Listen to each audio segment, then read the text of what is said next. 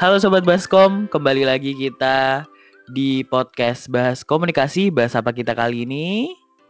Hmm, apa ya? Bahas apa ya? Oke, baik. Nah, teman-teman, kita sudah mencapai di episode ke-10 dari podcast Baskom dan di episode ke-10 ini kita akan melanjutkan series podcast kita yang namanya Masuk Kom atau Masuk Komunikasi. Nah, buat teman-teman yang nggak tahu nih, uh, Masuk Kom itu apa? Jadi, Masuk Kom itu adalah sebuah series podcast di mana kita bakal bahas tentang berbagai macam cara-cara untuk masuk ke UGM. Tepatnya ke komunikasi UGM. Nah, di podcast ini kita bakal menjawab keingintahuan sobat Baskom tentang gimana sih caranya masuk ke ilmu komunikasi UGM di mana kita juga bakal mendengar langsung dari teman-teman mahasiswa komunikasi UGM yang merasakan langsung masuk ke komunikasi UGM melalui jalur itu. Jadi kita bakal denger nih pengalaman mereka dari mereka mendaftar, mereka tes mungkin hingga mereka diterima di komunikasi UGM. Nah, untuk episode kali ini kita ini tanggal 11 teman-teman jadi uh, rekamannya dan minggu depan adalah kalau nggak salah udah mulai ya uh, untuk tes dari jalur yang akan kita bahas ini. Nah, betul sekali kita bakal bahas tentang SBMPTN dan UTBK di episode kali ini.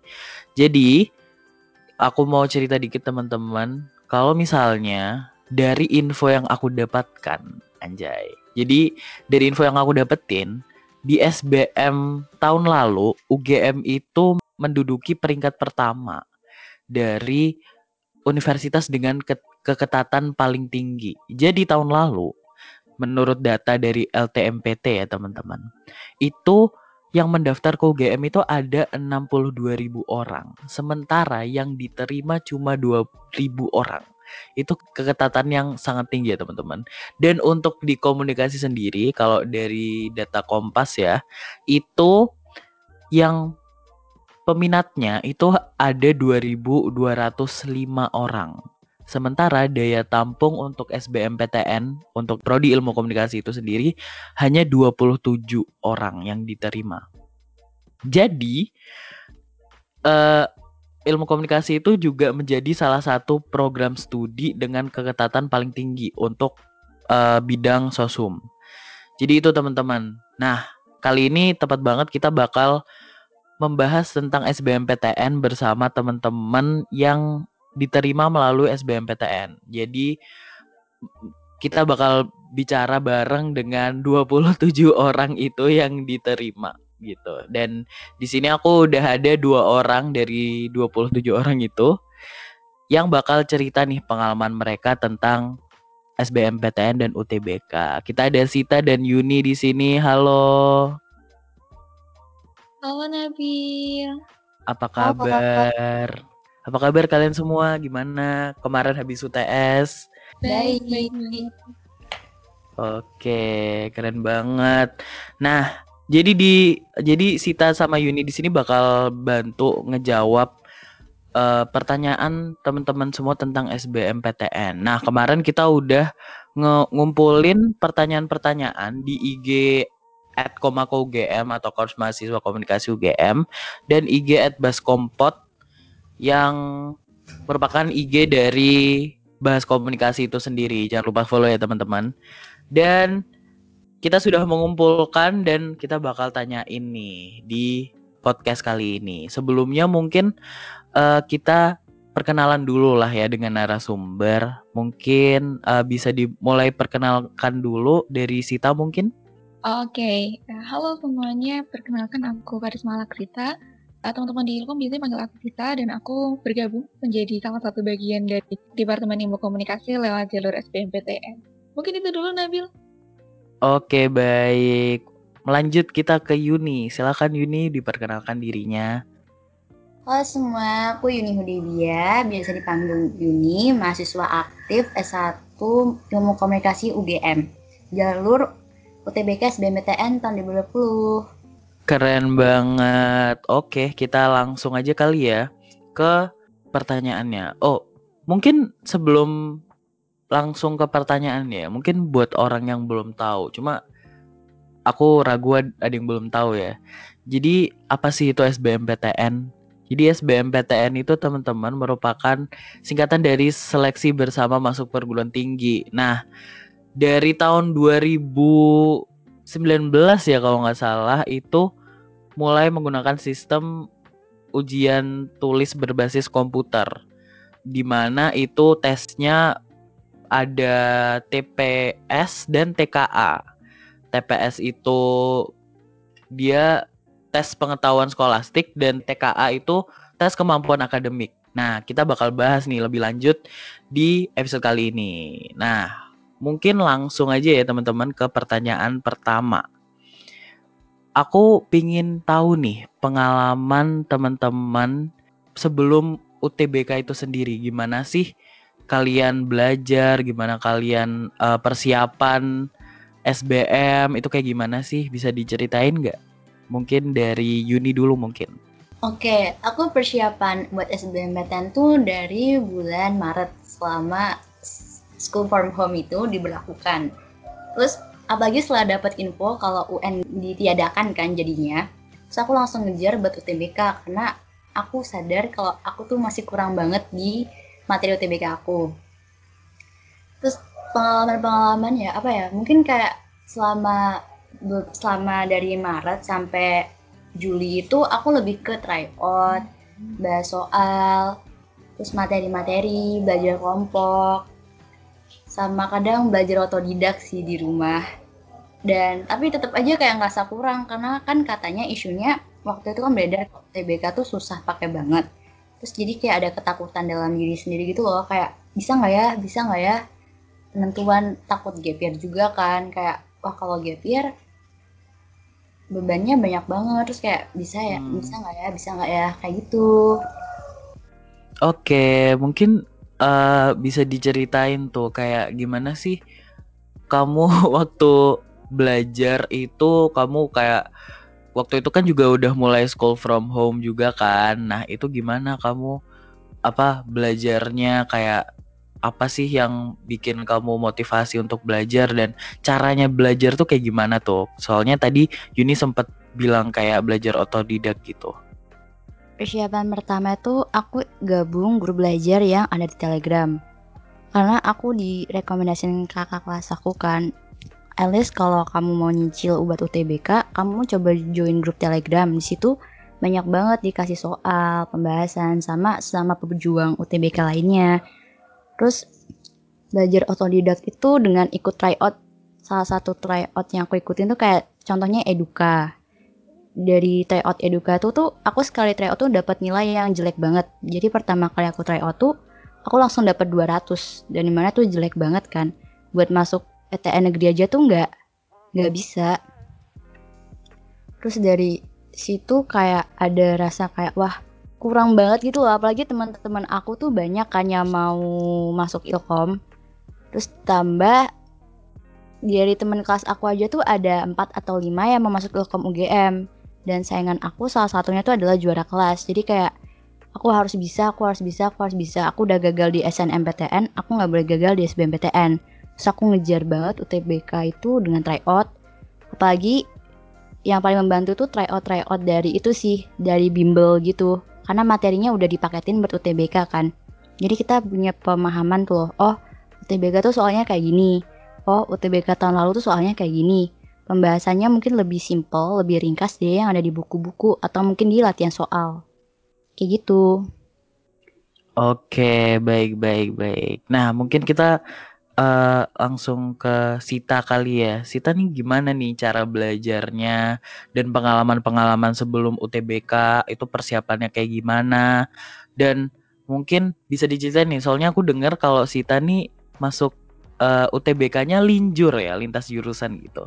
Bisa diceritain gak Sita? Iya betul banget Bill. Jadi uh, aku tuh sebenarnya dari ini agak ceritanya agak panjang ya. Jadi aku tuh sebenarnya dari dulu kecil itu prepare untuk jadi dokter. Jadi aku sebenarnya pengen masuk kedokteran dulu tuh sampai SMP sampai masuk SMA. Jadi SMA pun aku masuknya ke kelas IPA waktu itu. Tapi terus kemudian di SMA tuh kayak uh, aku ikut beberapa organisasi. Dari situ tuh mulai kayak kenal teman-teman gitu kan.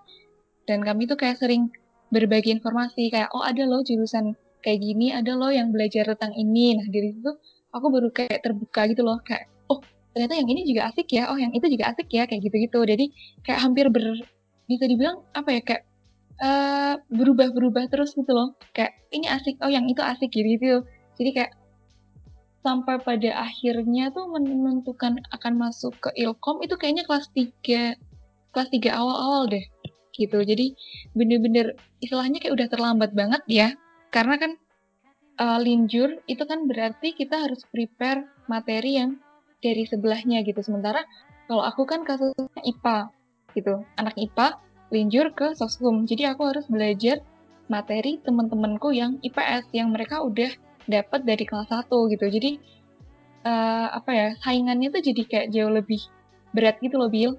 Cuma puji Tuhan banget waktu tahun kita yang 2020 UTBK itu kan kita barengan sama adanya pandemi COVID.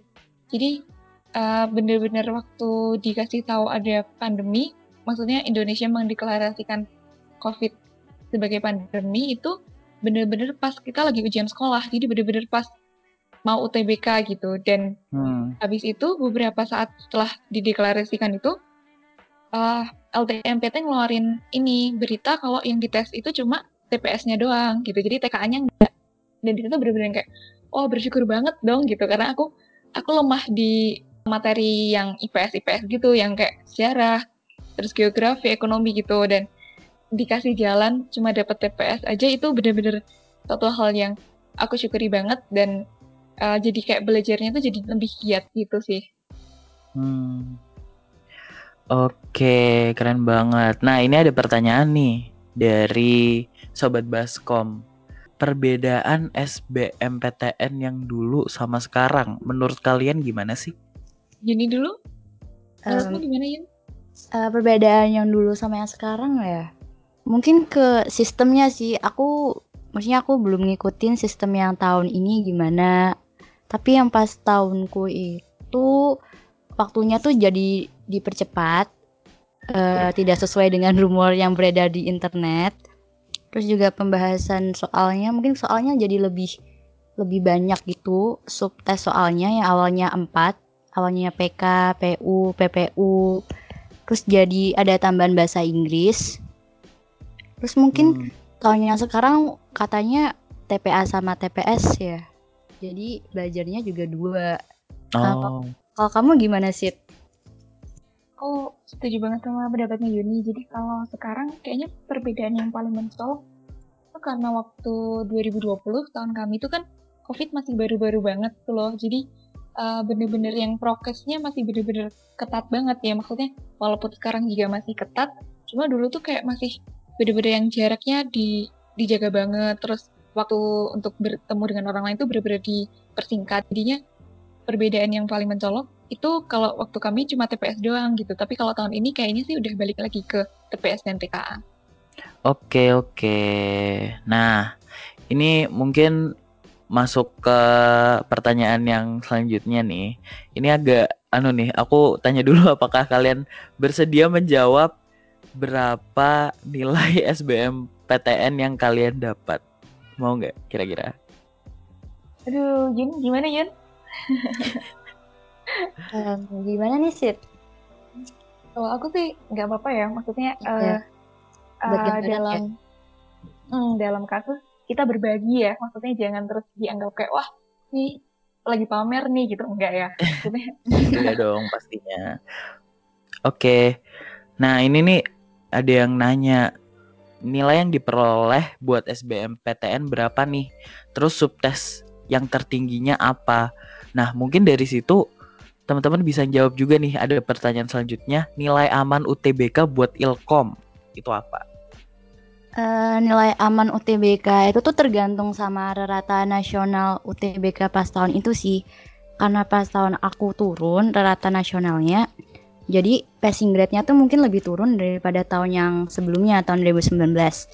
Kalau tahun 2019 itu aku lihat di Kompas itu nilai rata-rata buat masuk Ilkom UGM itu dari dari jalur UTBK tuh amannya 647 ke atas. Sementara di tahun aku tuh 600-an tuh kayaknya udah bisa ya masuk. Mungkin di tahun ini rata nasionalnya mungkin naik, jadi passing grade-nya naik. Iya, kayak aku setuju sama Juni sih. Maksudnya kalau itu nggak bisa jadikan patokan ya. Maksudnya tahun kemarin passing grade-nya segini, terus tahun ini juga bakal segitu itu kayaknya nggak bisa deh. Soalnya uh, tergantung tetap kondisi kalian, teman-teman yang bakal masuk itu yang bakal daftar itu kayak gimana. Oh ini langsung ini aja pak ya? Uh, nilainya aja kali ya? Iya betul. Uh, mungkin aku dulu aja kali ya. Oke. Okay. Uh, sebagai uh, sebagai perbandingan uh, aku cuma mau mention lagi gitu karena aku backgroundnya adalah IPA dan ini TPS maksudnya nggak ada TKA ya nggak ada yang kayak ekonomi geografi gitu jadi mungkin akan beda sama teman-teman yang mungkin akan linjur juga jadi tahun kemarin puji Tuhan aku dapat sekitar 625 nilainya. Tuh terus uh, untuk yang paling tinggi ya Bill ya tadi kayaknya ya Bill iya yang paling tinggi itu kuantitatif. Karena mungkin backgroundnya ya backgroundku IPA gitu. Iya background IPA ya iya. Jadi aku paling tinggi itu kuantitatif terus yang paling rendah itu justru yang bacaan dan menulis. Jadi kalau masuk ilkom tuh sebenarnya kebalik ya kuantitatif yang tinggi itu kayak kayak aku aku dulu dengernya gitu kayak yang uh, bacaan menulisnya harusnya jauh lebih tinggi kan kalau misalnya ilkom gitu tapi ternyata hmm. aku yang bacaan menulisnya paling rendah kuantitatifnya paling tinggi ternyata bisa masuk ilkom juga gitu hmm. oke okay. kalau Yuni gimana nih aku rata-rata UTBK aku tuh sekitar 629, untuk subtes yang paling tinggi sama kayak Sita kuantitatif itu sekitar 697, dan yang paling rendah tuh penalaran umum sekitar 600-an. Hmm, oke okay, baik. Nah, itu ya teman-teman nilai sebenarnya kayak nilai tahun lalu itu nggak bisa dijadikan patokan kayak tadi yang Sita bilang eh Yuni bilang itu uh, rata nilai tiap tahun itu bisa berbeda-beda dan nilai aman itu tergantung dari rata per tahun itu gitu jadi mungkin ini bisa jadi itulah ya apa kayak at least kalian targetnya itu harus 600 ke atas gitu. Itu adalah apa nilai sekitar area aman gitu. Cuma kembali lagi tergantung rata tahun ini kayak gimana gitu ya teman-teman. Oke, nah ini ada yang nanya tips biar gak grogi pas ujian. Kayak gimana tuh? Uh, mungkin aku dulu kali ya untuk Iya boleh. Sebenarnya kalau grup itu kayaknya tiap tiap orang penyebabnya beda-beda ya, Bil. Maksudnya nggak bisa terus yang kayak dikasih patokan gitu. Cuma karena ini grogi, mungkin karena grogi pertama kali gitu ya. Jadi kayak pertama kali ikut tes dan pertama kali ngerasain uh, berjuang untuk sesuatu asik, ya kan? Nah, jadi kayak misalnya kalau grogi ujian tuh, kalau aku pribadi, aku biasa aku sebelum hamin dua kayaknya hamin dua sebelum tes itu aku udah nggak mikir tentang tesnya. Jadi aku prepare dari jauh-jauh hari dan hamin dua hamin dua hari dari hamin dua hari itu aku udah nggak mikir sama sekali tentang aku besok mau UTBK aku besok harus ngerjain kalau soal ini dikerjainnya kayak gini soal itu dikerjain kayak gitu tuh aku udah nggak mikir.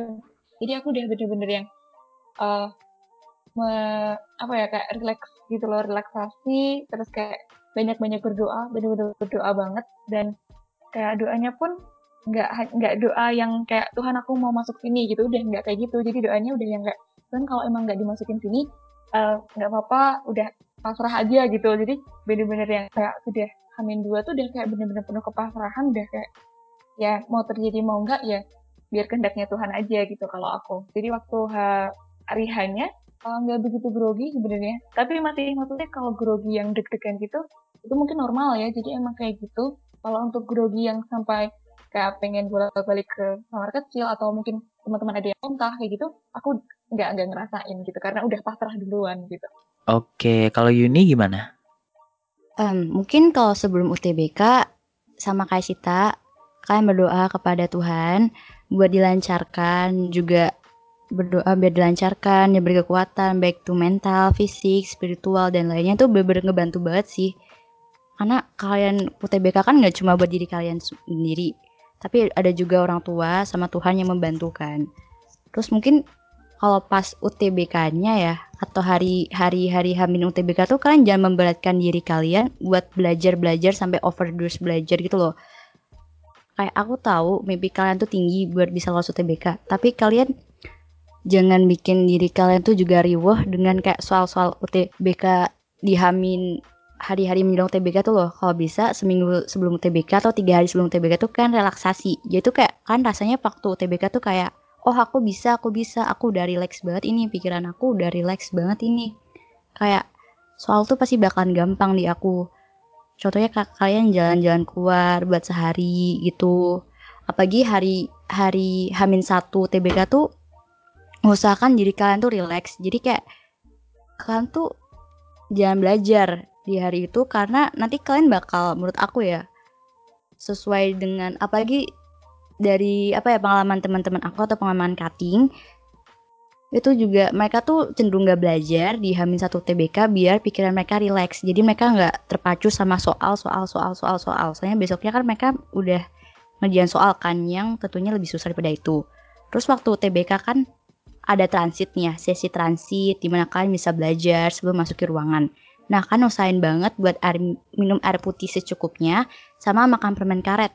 Kalian tuh bener-bener membantu banget sesuai pengalaman aku buat ngatasin grogi, ngatasin kayak ketakutan satu TBK tuh. Mungkin kalian boleh terpacu saat ingat teman-teman kalian belajar, tapi kan juga harus fokus sama diri kalian sendiri. Mungkin itu sih tipsnya. Oke, keren banget nih. Nah, mungkin untuk pernyataan terakhir, apakah ada pesan dan uh, mungkin sedikit tips buat teman-teman yang bakal menjalankan UTBK di minggu depan nih, mulai minggu depan. Mungkin ada pesan sedikit? Buat kalian berjuang UTBK 2021, tetap semangat. Mungkin ini susah banget buat kalian, apalagi buat kalian akan angkatan 2021 yang setahun penuh ada kebijakan school from home ya. Jadi kalian penyerapan materinya mungkin agak ribet dan juga mungkin sistemnya kalian tuh lebih susah ya karena aku denger-dengar kalian waktu TBK tuh harus bawa surat hasil rapid test gimana pas tahun aku tuh cuma butuh surat kesehatan aja. Tetap semangat, persiapin UTBK sebaik-baiknya karena itu tuh hari penentuan kalian, tapi jangan dibikin grogi. Balik lagi, UTBK tuh termasuk kayak SNMPTN. Jadi kayak untungnya laki-lakian beruntung. Sekuat apa pun usaha kalian itu jalur langit yang menentukan. Jadi baik lagi setelah mungkin setelah masa UTBK doanya lebih dikencengin, tetap belajar, nyiapin buat mandiri. Apa pun hasil UTBK kalian nanti diterima. Eh, ijo disyukuri. Meskipun belum belum lolos, tetap berusaha buat mandiri, kalian baik inget mimpi-mimpi kalian kayak aku pengen masuk UGM, aku pengen pakai alma mater UGM, aku pengen ngerasain PPSMB Palapa bareng teman-teman aku. Ketika kalian capek, kalian inget lagi mimpi-mimpi kalian, impian kalian yang benar-benar dicapai. Itu aja sih. Oke, gimana sih tak? Ada pesan? Oh aku sih kayaknya udah hampir semuanya disebutkan sama Yuni ya, maksudnya uh, saran-sarannya gitu. Cuma aku mungkin kayak lebih memfokuskan pada nanti hasilnya gitu kali ya Bil. Jadi uh, hasilnya nanti kayak gimana pun, aku pengen teman-teman tahu kalau teman-teman tuh punya jalan cerita yang masih panjang gitu. Maksudnya kita kan uh, lulus SMA itu baru berapa tahun ya kayak kita masih muda banget gitu loh dan banyak, masih banyak hal di depan sana yang bisa dilakuin gitu. Kalau misalnya memang UTBK ini bukan salah satu jalan untuk kalian menggapai mimpi kalian, percayalah aja gitu. Kalau Tuhan tuh punya rencana yang jauh lebih baik Tuhan punya jalan yang jauh lebih lebar dan jauh lebih gampang gitu. Jadi kalau misalnya memang belum waktunya memang belum uh, istilahnya apa ya? Kayak memang belum saatnya kalian untuk bisa ada di Ilkom UGM jangan berkecil hati. Jangan terus menutup diri dari segala kemungkinan yang bisa aja di depan sana itu jauh lebih cocok jauh lebih sesuai sama diri kalian. Kayak gitu aja. Oke, keren banget. Terima kasih teman-teman. Pesan-pesannya sangat bagus banget dan aku juga pengen mengucapkan ke teman-teman yang mau SBMPTN dan UTBK untuk tetap semangat menjalankannya jangan kayak tadi yang Juni bilang jangan terlalu dipaksakan jangan terlalu overdose dalam belajar uh, secukupnya aja dan yakin kalau kalian bisa mengerjakan dan pasti bisa lolos. Dan jangan lupa berbanyak berdoa dan minta restu orang tua juga. Gitu ya teman-teman. Dan sampai itu aja teman-teman episode kali ini kita sudah sampai di penghujung acara acara penghujung episode gitu ya. Dan aku mau mengucapkan terima kasih banyak ke narasumber kita yang sudah sharing pengalaman mereka dari awal UTBK dan apa hingga sampai mereka menjalankan UTBK dan mendapatkan nilai yang mereka mau gitu. Nah, itu aja teman-teman. Sampai jumpa di episode Masuk Kom selanjutnya. Kita masih ada beberapa jalur yang bakal kita bahas yang pastinya bakal menarik dan pastinya harus didengerin. Jadi itu aja dari aku. Terima kasih sudah mendengarkan dan sampai jumpa di episode Baskom selanjutnya. Terima kasih semua.